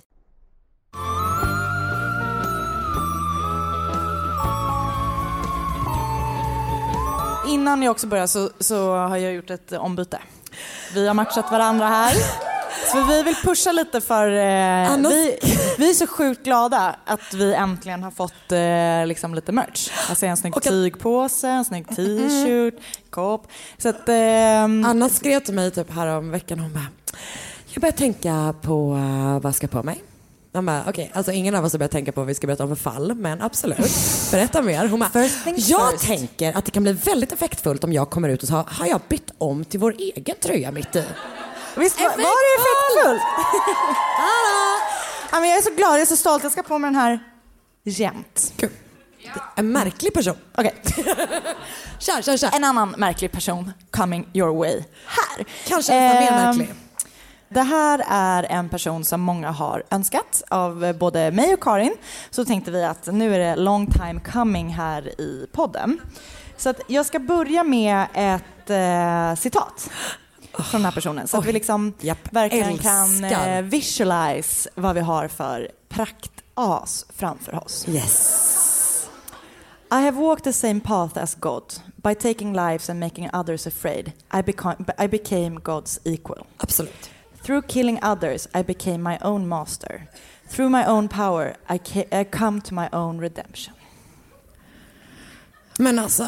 Okej, vi befinner oss i Florence County, North Carolina. Året är 1933 och den 31 mars föds Junior Parrott, eller som han senare ska bli känd som Donald Pee Wee Gaskins. Vidrig! Vänta också, hette han... Vad hette han från början? Parrot. Eh, eller om det, alltså, det är väldigt twistat. Förlåt, men det är skoj att någon heter Det är Parrot. väldigt twistat runt hans namn. Eh, vissa säger att han är född Parrot. Vissa, nej nej nej, nej sorry sorry. Parrot är efternamnet. Ja, ja, ja, gud ja, nej, inte förnamnet. Vad var förnamnet? Junior. Junior Parrot! Men Det jag vet... nya bandet på P3. Eh, men Donald Gaskins är ju hans namn. Eh, Han kallas för Pee-Wee då. Eh, men man vet inte om Donald Gaskins faktiskt är hans riktiga namn eller om det är något han liksom bara hittat tagit sig. Typ. Men Ja, vi pratar ja. mer om det snart. Ja. Eh, hans mamma Eula Parrott är en ensamstående kvinna och innan hon har fått, eh, fött Donald Pee-Wee så har hon då flera så kallade oäktingar. Eh, han liksom, han, han, hon har massa barn innan eh, Donald, hennes sista unge, föds. Namnet Pee-Wee fick han ganska tidigt för han var otroligt liten. Eh, kanske också därför han var eh, junior. Eh, Det var inte det att han fick det för att ingen släppte före honom i toakön. Du menar, nej precis. eh, men för när han var liten, liksom redan som liten, men när han blev vuxen så var han också ganska liten. För att han var eh, 1,57 centimeter lång i sin fulla prakt. En centimeter kortare än J Lo. Alltså, älskar sån, eh, älskar sån, sån kunskap satt man så mycket på förut. J Lo är också lejon, samma stjärntecken som jag. Gud, kom inte hit och säg att ni inte lär er saker av oss.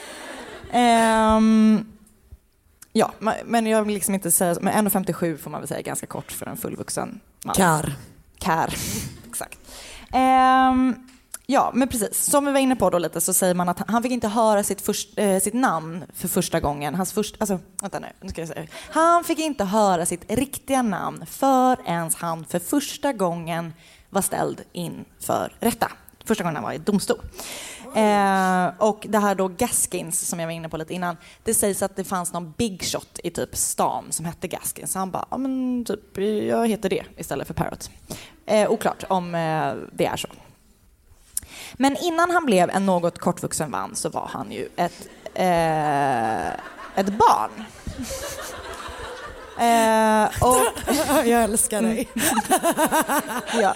Eh, Okej. Och han hade det som så många andra, eh, det tufft under uppväxten. Hans mamma hade ju då fullt upp med sig själv och med eh, alla andra barn som han, hon hade. Och när det sägs i alla fall eh, att när han var ett år gammal så drack han en hel flaska lampolja. Eh, för att typ ingen så här, höll koll på typ. honom. Exakt. Och det är ju såklart inte bra Super. för någon och kanske ännu mindre för typ en pyttelitet litet barn som han var. Eh, Så det sägs att han fick typ så här muskelryckningar i kroppen som satt i i tre år efter det. Som liksom var en följd av då att han hade fått i gift kan man väl säga. Ja, Så vi har ja. lite tema där. Kan vi säga. Ehm, hans mamma hade så olika män och till slut så liksom, och alla män behandlade Pee-Wee som skit. Eh, de slog honom och liksom, hans mamma tydligen motsatte sig inte det utan hon var väl bara så här, bra att någon uppfostrar dem. Typ. Lite den perfekt. skolan. Eh, till citat då. För att om sin uppväxt så sa han så här, det, det är nämligen så här, han har skrivit en bok som Ah. heter The Final Truth. där, han, där han har fått chansen att berätta om alla sina brott. Alltså all, bra, bra ljudeffekt. Och det var alltså bara någon som kräktes rakt ut. Det hade ingenting med fallet att göra. Verkligen. Ehm, nej men det är så vidrigt. Den här boken i alla fall, Final Truth, skrev han då. Eh, ja. Ingen behöver köpa den. Nej. Men det eh, finns eh, såna här vidriga citat i. Så att han säger så här om sin uppväxt. Being born on a farm I know the difference between raising, raising something and it's just, it just growing. You raise tobacco and vegetables, you raise pigs and sheep. They got purpose, you tend them. But weeds grow on their own, tended or not. I grew, I wasn't raised. Men så That's mycket växte han ju sure. inte. Ooh! Burn, Roasting burn, a burn. serial killer. Eh, nej, precis. Eh, men mer då att så här, det var Ingen inget- höll koll på honom. Ingen höll koll på honom. Han fick Nej. bara växa upp och bli liksom, what the fuck han blev sen. Han har kallats för USAs elakaste man och klassas som en av de värsta seriemördarna i USA. Och den här banan kastade han sig in på ganska tidigt i livet. Eh, han har berättat att redan som liten så hade han så spänningar i kroppen som eh, liksom han, alltså ni vet, man man känner så stel i nacken eller eh, jag har ont i magen eller vad det nu kan vara. De, allting släppte för honom när han fick begå ett brott. Och eh, det upptäckte han då som sagt tidigt. Ehm, det känns som att det finns andra sätt att hantera det. Alltså Att om typ man gå känner... på en massage. Exakt! Prata med en kompis, drick ett glas vin, gå på massage. Vad heter det när man lägger sådana koppar på huvudet? Kopping. Kopping, just det, kopping var det. Gör en sheetmask. Men Ta jag- ett fotbad. Gör någonting. What else? Men i alla fall, när han var 11 år så hoppade han av skolan och började arbeta på en bilfirma. För att man Vänta. kunde tydligen... Ja. Eh, så var det tydligen. Ja. Att man kunde göra. Ja. Han var inte ensam om att ha hoppat av skolan, för det var två andra kompisar som också hade gjort det, som också var 11 år. Och de tre började hänga ihop och de kallade sig själva för The Trouble Trio. Som känns... Det är verkligen tre 11-åringar Jag som hittar på ett namn. Det är så sjukt eh, 11-åriga killar som bara oh yeah, we're You know cool. us, we're trouble and we're a trio. Eh, jag lyssnade på en jätterolig podd som heter ehm, Last Podcast on the Left. Eh, som har gjort tre avsnitt eh, om Pee Wee Gas- Gaskins. Och de eh, härmar honom. Jätte, eller jag, jag vet inte om de vet hur han låter. Men de härmar honom jätteroligt. Så att, eh, tips, tips, tips. Ehm, och utöver det så har vi eh, då massa, jag glömde säga det i början, jag har ju liksom varit inne på massa olika artiklar och så här. Men Ja, eh, vi, ja, ja, jag ja, kan ja, berätta det sen. För nu fortsätter jag min historia. Men för jag också tänkte för mig själv att så här, ja, det känns så sjukt mycket 11-åriga pojkar som nämner sig själva som the trouble tree. Men där tar allt stopp med liksom gemene 11-åriga pojkar. Ja. Nu kliar det lite i min näsa. ja det, vi har tid för det. Tack. Eh, för tillsammans så gav de sig in på brottets härliga bana. De gjorde inbrott på olika ställen, de rånade folk, de eh, anlitade sexarbetare eh, och tyvärr så eh, våldtog de också eh, yngre pojkar. För eh, ja, de hotade då de här yngre pojkarna så här, eh, ja, om ni berättar för någon så dödar jag dig. Liksom. Eh, den stilen. Så de vågade ju såklart inte berätta för sina föräldrar och det är så jävla vidrigt. Men gruppen splittrades när de var typ 12 år gamla för att då hade de tillsammans... Vad gjorde du? Nej, det var bara att det är så man bara We'll keep the gang together all our life. Så bara, Ett år. But Men du kommer I'm in förstå. sixth grade now. You'll see. Ah, nej, alltså. Eh, Jag mår redan piss och jag Ja. räknar med att ni också gör det. Ja. Det de då hade gjort när de till slut då gick skilda vägar var att de tillsammans hade våldtagit den ena av killarnas lilla syster. Nej. Eh, det är så jävla vidrigt och äckligt. Eh, och även henne hotar de då. Så så så berättar du för mamma och pappa så liksom vet vi inte vad vi gör med dig. Liksom. Men som tur är så berättar hon då genast för sina föräldrar vad som har hänt. Eh, det är oklart om de kontaktar polisen eller inte, men, men föräldrarna bestämmer sig, i alla fall två av pojkarnas föräldrar, då, Pee-Wees och den pojken som var storebror till flickan, de bestämmer sig för att vi måste straffa dem.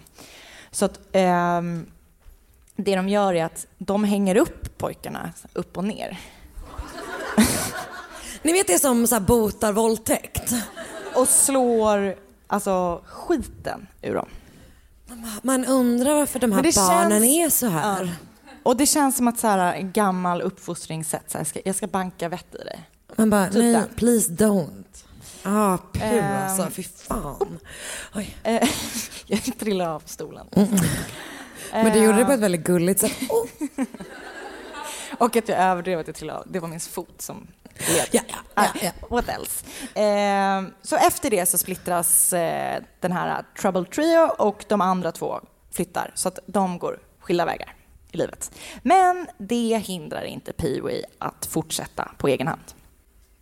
När han är 13 år gammal så döms han till typ någon så här, eh, det- jag tror att det är ett correctionals, eh, liksom, det är typ, jag tänker att ungdomsfängelse typ. Ja, mm, mm. Men precis. Eh, eh, jag har skrivit internatskola för krångliga pojkar, men det heter kanske mer ungdomsvård. Men det lät väldigt fint.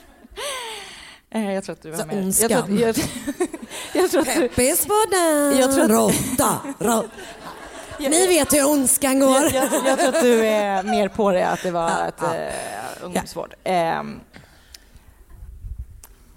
för det han har gjort då, nämligen, är att han har brutit sig in i ett hus eh, där han är helt övertygad om att familjen är i kyrkan. När han eh, kommer in i huset så är det dock en flicka där. Dotter, en- den yngsta dottern är med, eller är hemma. Så att, eh, men hon kommer på Pee-Wee först. Så hon attackerar Pee-Wee. Bra, bra, bra. bra. Men Pee-Wee, Nej. för hon har en yxa, attackerar Pee-Wee med en yxa. Men Pee-Wee, alltså, men jag tänker att, alltså attackerar, Ja. jag vet inte, hon hade Hon den. försvarar sig med Han yxa. lyckas få den ifrån henne. Och så drämmer han henne med den, med den trubbiga sidan. Och sen drog han. Hon klarar sig utan några större skador. Så det kan vi liksom... Vi har en enda bra sak i hela den här historien. Ja.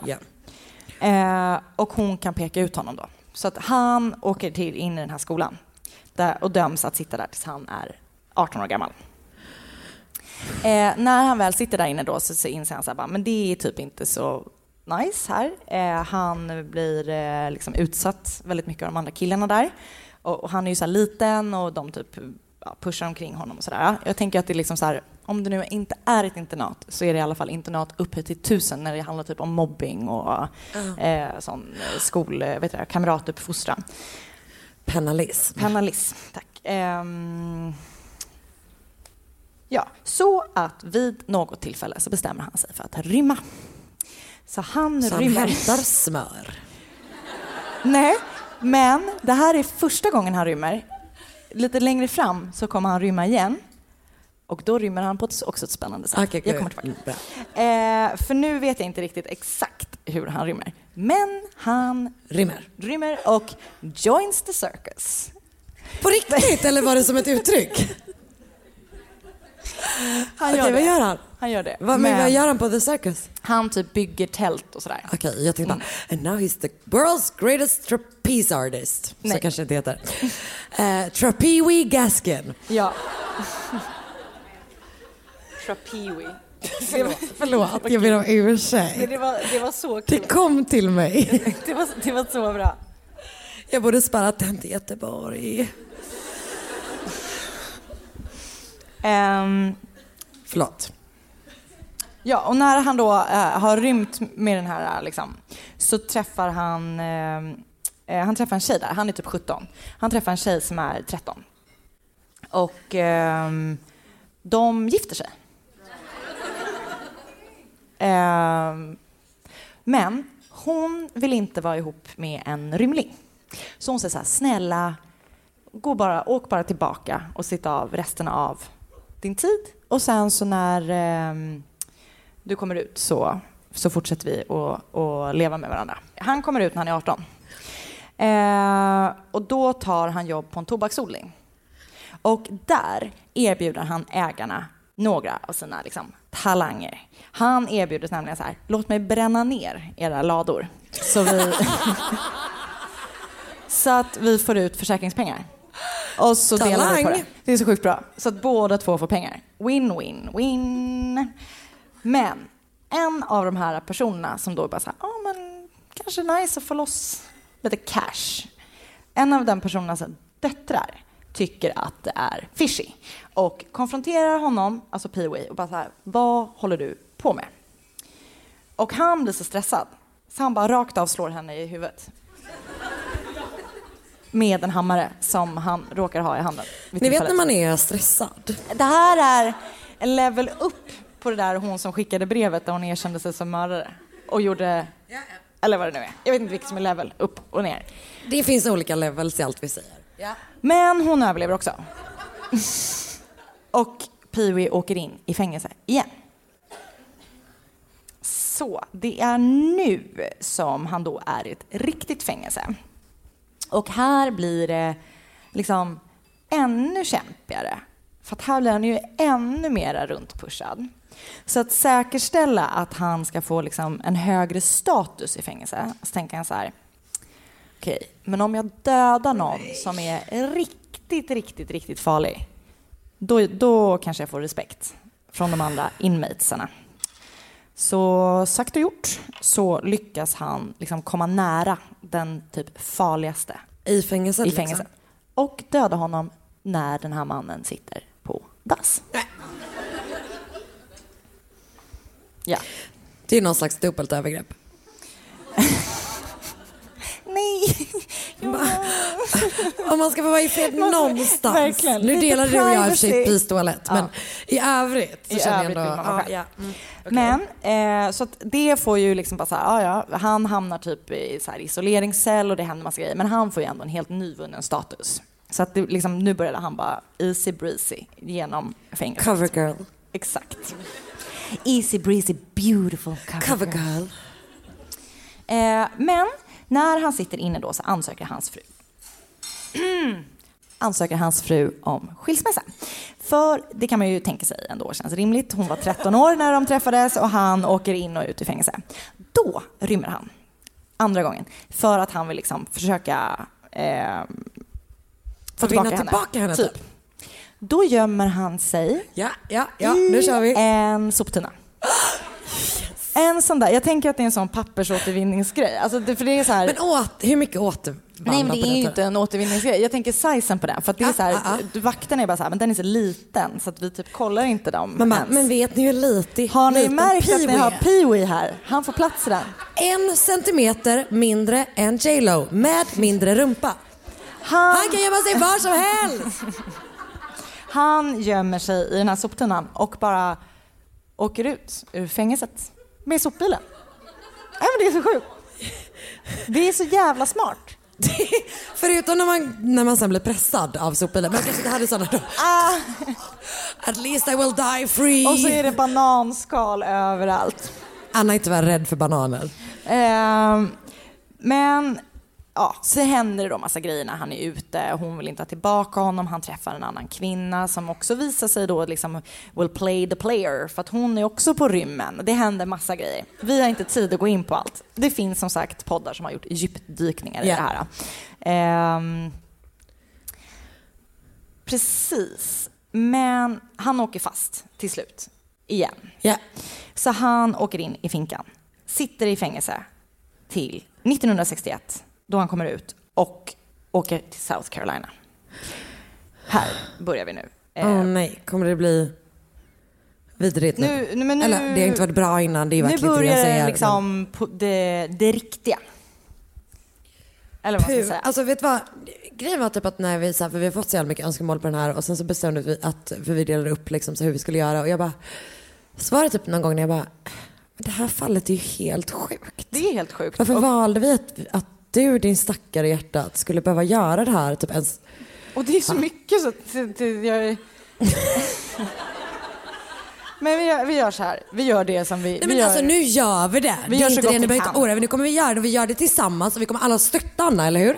Tack! Ja, kan ni snälla bara låta henne höra det? Ja! you. You guys. Eh, det vi kan säga är alltså, han kommer ut 1961. Han har ju varit gift och träffat mycket kvinnor. Han fortsätter träffa mycket kvinnor. Av någon outgrundlig anledning så är han då ett skärmtroll. Eh, inte ett pentroll. Eh, Kunde va? Han, eh, precis, här är bara skrivit bla bla bla. Han eh, träffar tjejer, han fortsätter. Det är inte så att han så att blir kär, bara åh, gifter sig, utan han fortsätter göra vidriga saker. Eh, han åker in och ut igen. Eh, jag, Han liksom kör runt. Han, kör, han, Han, träffar tjejer, han gör vidriga Han sitter- saker, han sitter inne. Han sitter inne, för precis, 61 kom han ut, sen här- gifter han sig, han får barn. 19, så åker han in i fängelse igen för våldtäkt. Eh, och då åker han in och 1968 är han ute igen. Nu är vi framme där jag ska liksom, nu händer det saker. 1969 så lyftar en kvinna vid namn Angie från North Carolina. Hon har då oturen att bli upplockad av ingen mindre än Pee Wee Gaskin. Alltså lyftandet, ingenting ger en mer panik än lyftandet. Jag fattar inte att man törs alltså. Jag vet, men på den tiden trodde man inte att det var som det var. Nej. Hörni, Jag vågar typ hörni ingen lyftar hem ikväll det jag säger. Jag vågar typ inte ens åka bil med någon jag känner för Men jag alltså hade jag krocka. vågar... Anna har körkort, jag har inte det. Jag skulle aldrig våga åka med henne. Va? Skoja. Eh, Oskar vågar typ inte åka med mig heller. Oskar, Oskar, kan du hämta en öl till till mig? Tack. Ehm, ja. Så när de väl sitter i bilen så börjar Pee-Wee liksom komma med sexuella inviter. Något som hon inte är intresserad av. Hon avvisar honom och ehm, han blir galen av ilska. Han hävdar själv att hon typ har skrattat eh, åt honom. Gud, alltså så hemskt. Man bara, någon skrattar åt mig så nu ska jag döda den. Man bara, hmm. Men det är det som får honom i alla fall att bli galen av ilska. Så han våldtar, torterar henne innan han kör henne till ett träsk där han fäster tyngder på hennes kropp och kastar henne i vattnet så att hon ska drunkna. Fruktansvärt. Kan vi typ alla reagera tillsammans så här? Ah, fy fan. Ah, gud. Ah, puk. Get out of here! Okej, fy fan vad Ehm, hemskt. Ja. Så sjukt vidrigt. Så där börjar typ egentligen... Och, exakt, för även om han har liksom gjort saker innan och han har mördat folk och han har våldtagit så här så har han typ inte fört ihop de här två sakerna och och han har liksom inte... Den här typen av seriebeteende Nej, exakt. börjar typ här. Så han inser så här, jag gillar den här processen typ, att plocka upp en kvinna, eh, kanske typ så här fråga om de vill ha sex, bli nekad, straffa dem, alltså hela det här maktköret också, du är i min bil. Han inser också att det är ett jättebra sätt för honom att hitta offer, att plocka upp liftare och liksom, då är han ju också ute och kör, så att då hittar han ju liksom först offer och sen bra platser där han så här. Han eh, märker ju också så här, ja men jag får utlopp för mina spänningar på det här viset. Så det är ju liksom toppen för honom. Han kommer att dela upp sina mord i två olika fack, något som han kallas för coastal, kill, coastal kills, som var då de här liftarna och andra som han dödade för skojs skull, eh, stora såna här, eh, och som han kallar då för weekend recreation. Nej men alltså det här är... Nej men, att, så här, att stjäla vin från sin pappa. Weekend recreation.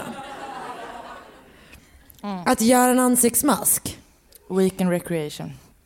Nottis. Att plocka Nottis upp en liftare och sen inte not weekend recreation. Vill jag bara vara Så det var... tacos! Vad är det för fel på Taco tacos? på Vildmarkshotellet! Eh, nej men så det var de, eh, Coastal Kills. fan, och sen så panik. hade han, det var kategori 1. Sen var det då kategori 2, Serious Murders, som var då... Det här är hans egna då, det är inte jag som har eh, kategoriserat det. Eh, och det var ehm, människor som han kände eller som han hade en relation till och som han liksom var tvungen att planera kring, som inte bara var sådana infallsmord. Eh, och så han dödade Angie då 1969 och enligt honom själv så dödade han två andra kvinnor och samma år. Men eh, Pee-Wee var ju liksom inte så här superkräsen så han stoppade inte vid liksom kvinnor och lyftningar utan han hade ingen direkt typ eh, utan han var mer en sån... Eh, eh, Han gillar att mörda. Punkt. Punkt. Um, så liksom, det kunde vara män, kvinnor, det kunde vara genom att lyfta eller det kunde liksom, hur, hur det än föll sig så funkade det. Och um, han liksom utvecklade sin så kallade MO. Uh, ehm, han, han, gjorde, han gjorde allt, liksom. det fanns ingenting som han inte ville göra. Typ så. Eh, 1970 så dödade han enligt honom själv, och jag säger enligt honom själv för att han... Ja, Skrev han om det i boken? Exakt. Eh, 1970 dödade han enligt honom själv en person var sjätte vecka. Och alla de här var sådana recreational murders. I hans memoarer, för- Ah. The Final Truth, så har han då beskrivit alla de här tillvägagångssätten som han har använt sig av. Han berättar själv att han vill gärna behålla offren hos sig eh, liksom levande och ganska länge så att han verkligen kan eh, Och han vill liksom jävlas, plåga dem vidra, helt enkelt. vidra, som inte är ett verb. eh, Men som är det nu och som beskriver exakt det han vill göra. Och han ville liksom hålla han- folk ja. vid liv. Det var inte bara själva mördandet. Nej, nej, han, utan han ville dra ut på det så Ah. mycket han kunde. Liksom. Och eh, så fort de dog liksom, för snabbt så blev han besviken. Och eh, enligt honom själv igen då så ägnade han sig även åt kannibalism. Jag hatar honom så himla mycket. men han är vidrig. Alltså, han är verkligen så ja, sjukt nej, men alltså. Han är så jävla äcklig och vidrig och allmänt fruktansvärd person. Men han är också en fucking tönt. Och han har gjort så mycket. Alltså du vet man bara, "Ah, kolla på mig. Han har gjort bara, så... Han har gjort så sjukt mycket. Så att det behövs... Eh... Det var säkert han där som kastade Det, det är. Pee Wee Gaskins Ghost. Ja, vi fan det äckligaste spöket. Mm. Hoppas han inte bor på Broxvik med Evert Taube. För att Evert Taube, allt han ville göra var att äta abborre. Och nu är den här killen här och, förlåt. Ehm, ja. 1970 så utförde han sitt första serious murder där det då var någon som han kände och där han var tvungen att planera runt omkring det. Det var hans systerdotter och hennes kompis. Nej men, nej men. För Förlåt. För att, ah, förlåt. Nej, det är så jävla vidrigt. Fast jag är bara ledsen för att, jag, för att det här hamnade på dig att göra det här. För det är verkligen så, Det som är- ni alla sjuka jävlar har önskat. Och jag, I'm sorry. Åh gud vad hemskt. Ehm, Ja. Och tydligen så hade han liksom haft eh, på sin lista, eller vad man ska säga, att eh, liksom han ja, var ute efter sin systerdotter ganska länge men hittade inte tillfället att göra någonting förrän då 1970. Och eh, polisen misstänkte Pee-Wee när det här hände. Men eftersom det inte fanns några kroppar så kunde polisen inte binda honom till det. För det fanns inga bevis på var de var eller vad som hade hänt. Och så här. För att Pee-Wee hade ju då, som han gjorde, eh, gjort sig av med dem. Eh, under 1971 så hävdar han själv att han hade 11 mordoffer, så han håller ju så ganska högt tempo, får man ju säga. Och eh, ja, han fortsätter liksom. Han, han, han mördar Konstant. konstant. Alltså det är liksom en av de mest Ja. typ, så här, frekventa Samtidigt vi som har. han har typ barn, alltså han liksom hela den här läskiga grejen att han liksom Det är har... det som är så Ja. obehagligt. Alltså just den här grejen när det blir en grej när man bara så här, ah, och sen åker du hem till din fru och typ har ett barn som du inte mördar och typ så här spelar någon slags okej familj. Ah, panik. Under 1973, 1972 har jag utelämnat, men det vet jag inte. Eh, 1973 fortsatte han med såna här då, eh, nöjesmord. Eh, men då gjorde han också tre stycken seriösa mord. Så han liksom, han, Så det är bara de seriösa morden. det blir väldigt konstigt faktiskt att säga så. Eh, som sagt, igen. Tänk han så LinkedIn-profil. Inte min, inte min kategorisering. Nej, nej, det kan vi väl Nej. verkligen vvara återigen Men det som, är, det som är äckligt också är att så här, 1973 så köper Pee-Wee en bil för han tänker så här, jag behöver kanske lite, lite så här, en ny bil. Tänker han. Eh, det eh, är en bil av modellen Hers. jag vet inte vad det är, men eh, den var känd. Och när han köpte den, eller alltså hans, ja, ehm, när han köpte den så skojade han med sina grannar så här, men jag behöver den för att frakta alla döda kroppar. Dun, dun, dun, ha, ha, ha, typ så, med sina grannar. Han hade också en sån här bumper stick på sin bil. Nu skrattar jag. Ja, men nästan. I haul dead bodies stod det på den. Och det är så konstigt. Och Pee-wee, din korta lilla Och vissa var så, han, han liksom tyckte att han var rolig och bara, "Haj, fan vad sjukt Men det är också det som är typ att man bara, ah, kolla på min konstiga roliga granne. Man bara, nej nej din konstiga roliga granne är ett vidrigt as. Eh, och kanske typ shut him down. I, öv- alltså, I allmänhet borde väl förbjuda folk att ha roliga bumper stickers. Mm, jag tycker det kan vara lite kul. Nej. Anna, Man vad har du sett för rolig? Ingen. Vet inte, jag kommer inte på någon nu. Han hade i alla fall det. Eh, vissa tyckte då att han var rolig och lustig och så här, bara, gud vad han är knasig. Medan andra tyckte ju då såklart att han var ett riktigt, riktigt creep. Enligt Pee själv så var 1975 hans absolut mest intensiva år. Det var liksom, ja, Det otroligt intensivt. Och det är också året som han senare skulle åka fast.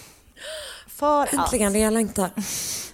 i september 1975 så träffade Pee-Wee på något sätt, och det, det verkar som att de känner varandra på något sätt, ehm, den 13 år gamla Kim Gelkins. För Kim är hemma hos honom och som sagt, de känner varandra på något vis. Där, och då bestämmer sig Pee-Wee för att så här, ja, våldta henne. Helt enkelt. Hon vill ju såklart inte ha sex med den här 40-åriga äckliga mannen. Men han då bestämmer sig för att utnyttja sin makt. Eh, så han... Eh, Bara den grejen som är, alltså som, just det där att ha typ ett sånt fysiskt övertag. Mm. Alltså, för det har man ju levt med hela sitt liv. Att man bara såhär, ah, nu är jag i den här situationen och den som jag är med har ett fysiskt övertag. Alltså att, att man bara behöver typ ju- räkna på saker. Man bara, där är dörren och vad betyder det om han, ah fy fan att hon är så 13 år gammal om ett jävla och att hon känner honom. Ah, jag bara nej, ja exakt. Att det är så här, det här är en situation du borde vara trygg, men du är inte det för att världen är vidrig. Mm. Jag är hemskt ledsen men det är sant. Ah, Puh, okej, förlåt. Eh, nej men så han eh, dödar henne. Han våldtar och dödar henne. Eh, och hennes familj börjar ju såklart undra så här, var har hon tagit vägen? Så de anmäler det till polisen och sen ehm, och när polisen börjar så gräva i det så bara, ja men vi typ vet ju att hon har setts med Pee-Wee, de så här börjar koppla, alltså du vet, de kopplar ihop det till honom. Victor, då är vi på 70-tal. Ja, 75. För det är också det som är grejen så här, alltså den här typen av så att mörda så många, att det är så här, vi pratar inte 1800-tal, alltså vi pratar fucking 70-tal i USA. Och så jävla många som höll på då, alltså panik. Hur, alltså, ja. mm. Men- Ni vet allt det här och vi vet också det och nu har vi panik. Okej, nu, ja, fortsätt. Förlåt. Polisen anser sig i alla fall ha tillräckligt mycket på fötterna för att söka igenom hans hem. Och hemma hos honom så hittar de då kläder som tillhör Kim. Och även om det inte så direkt tyder på att han har dödat henne så behåller polisen honom häktad. I samma veva så träder en annan man fram, en man som heter Walter, ne- Walter Neely. Och Walter är då en person som eh, Pee-Wee har använt sig av. Eh, liksom, Jagat med. Typ, men han har mer varit liksom verkligen att Pee-Wee typ har- du vet, snodde någon bil i samband med ett mord. Så han säger, jag behöver göra den här så att den ser ut som en annan bil. Kan du hjälpa mig? Okej. Typ så. Han har i alla fall kopplat sig, eh, den här Walter, till sig. För att den här Walter, ja. Han är bra på att typ så här vara en vanlig brottsling. Eller du vet, och det är så liksom. här väldigt bra på att följa. Ja, ja. Man kan manipulera honom. Eh, och Walter trädde då fram, för han har intressant information att delge polisen med. Han berättar då att han har hjälpt Pee-Wee, Pee-Wee eh, Parrot. Junior Parrot Att som vi kommer kalla honom för att han inte gillar det. Nej. Att göra sig av med kroppar. Så att han har inte varit med liksom aktivt i själva mördandet men att han ändå har hjälpt liksom att röja upp kring Eh, det Pee-Wee har gjort. Att han tillsammans med Pee-Wee har då kört in i skogen och så här begravt eh, Pee-Wees offer.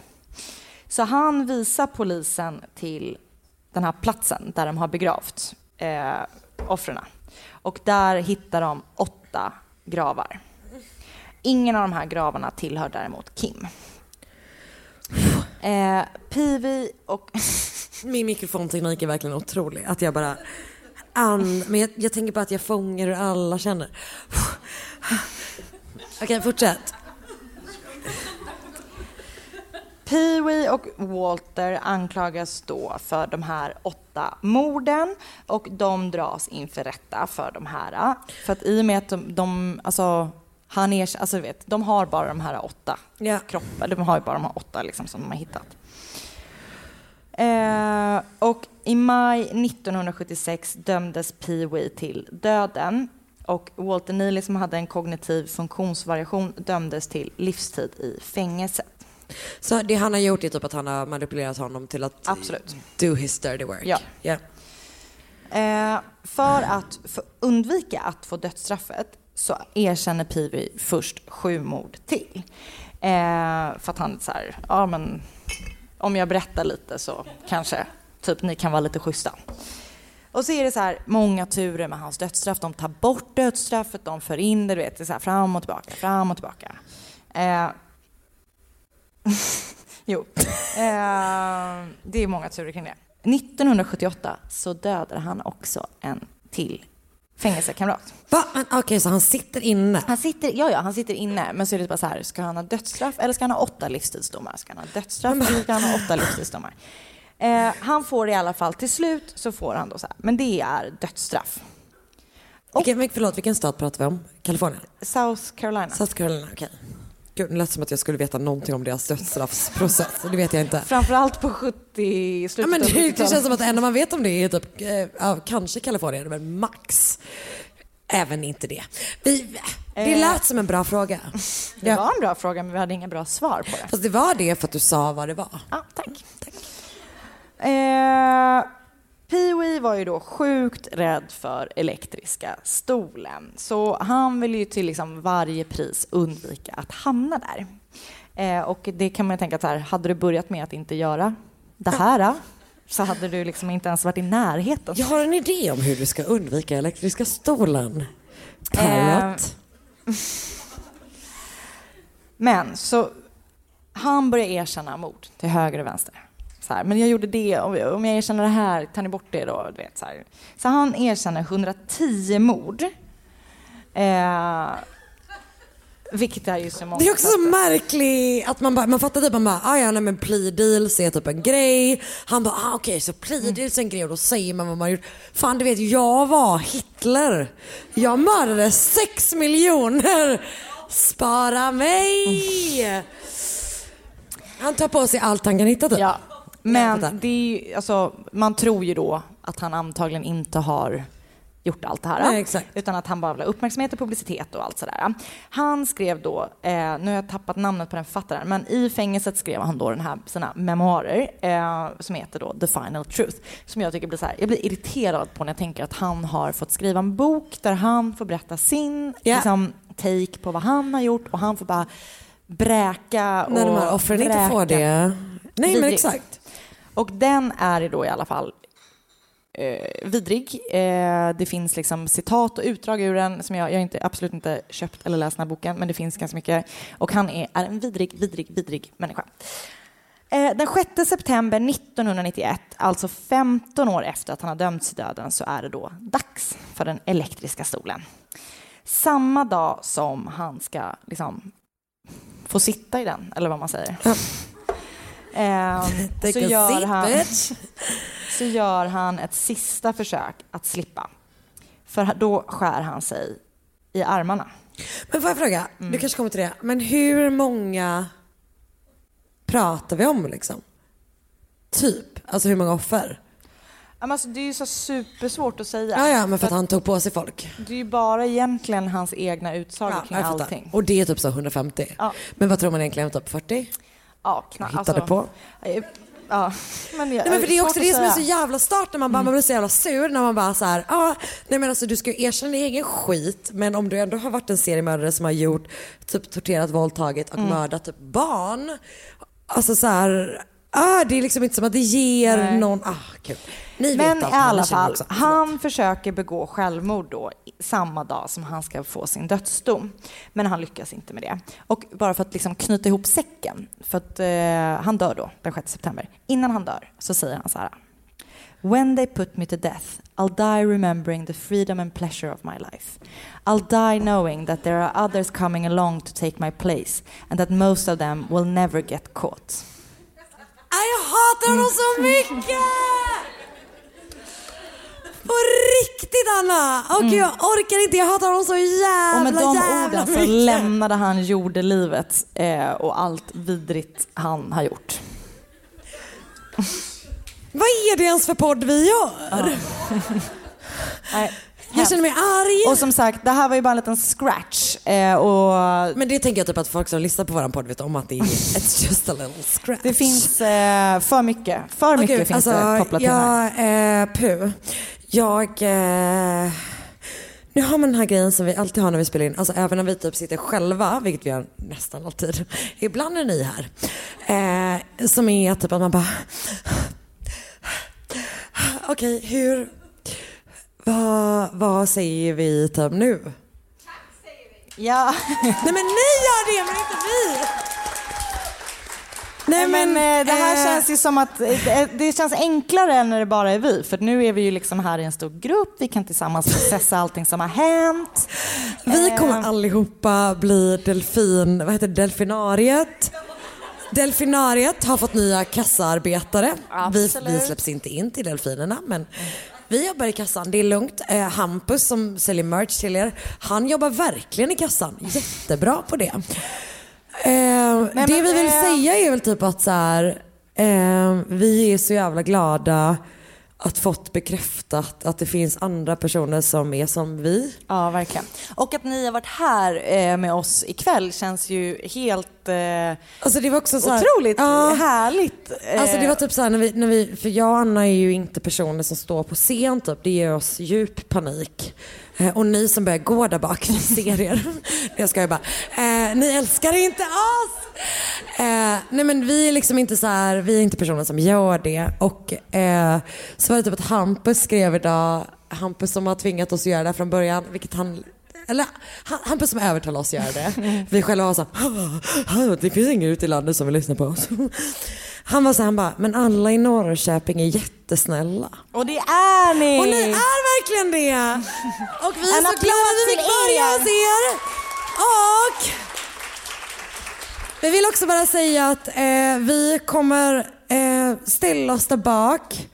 Och eh, så vi får typ så här, om ni vill köpa en tisha, om ni vill ta en bild, om ni vill köpa en fucking tygpåse, inte muggar tyvärr för de är slut. Eh, för att de är så himla bra att dricka öl och den det är kom- det vi avslagen nu men jag kommer dricka den kom- ändå. Även om man inte har köpt en mugg idag så kommer man kunna köpa mugg eh, sen. Ja. Och vi är så glada att ni lyssnar på oss och tack så jätte, jättemycket för det! Vi älskar er! Ett poddtips från Podplay. I fallen jag aldrig glömmer djupdyker Hasse Aro i arbetet bakom några av Sveriges mest uppseendeväckande brottsutredningar. Går vi in med hemlig telefonavlyssning och, och då upplever vi att vi får en total förändring av hans beteende. Vad är det som händer nu? Vem är det som läcker? Och så säger han att jag är kriminell, jag har varit kriminell i hela mitt liv men att mörda ett barn, där går min gräns. Nya säsongen av Fallen jag aldrig glömmer på Podplay.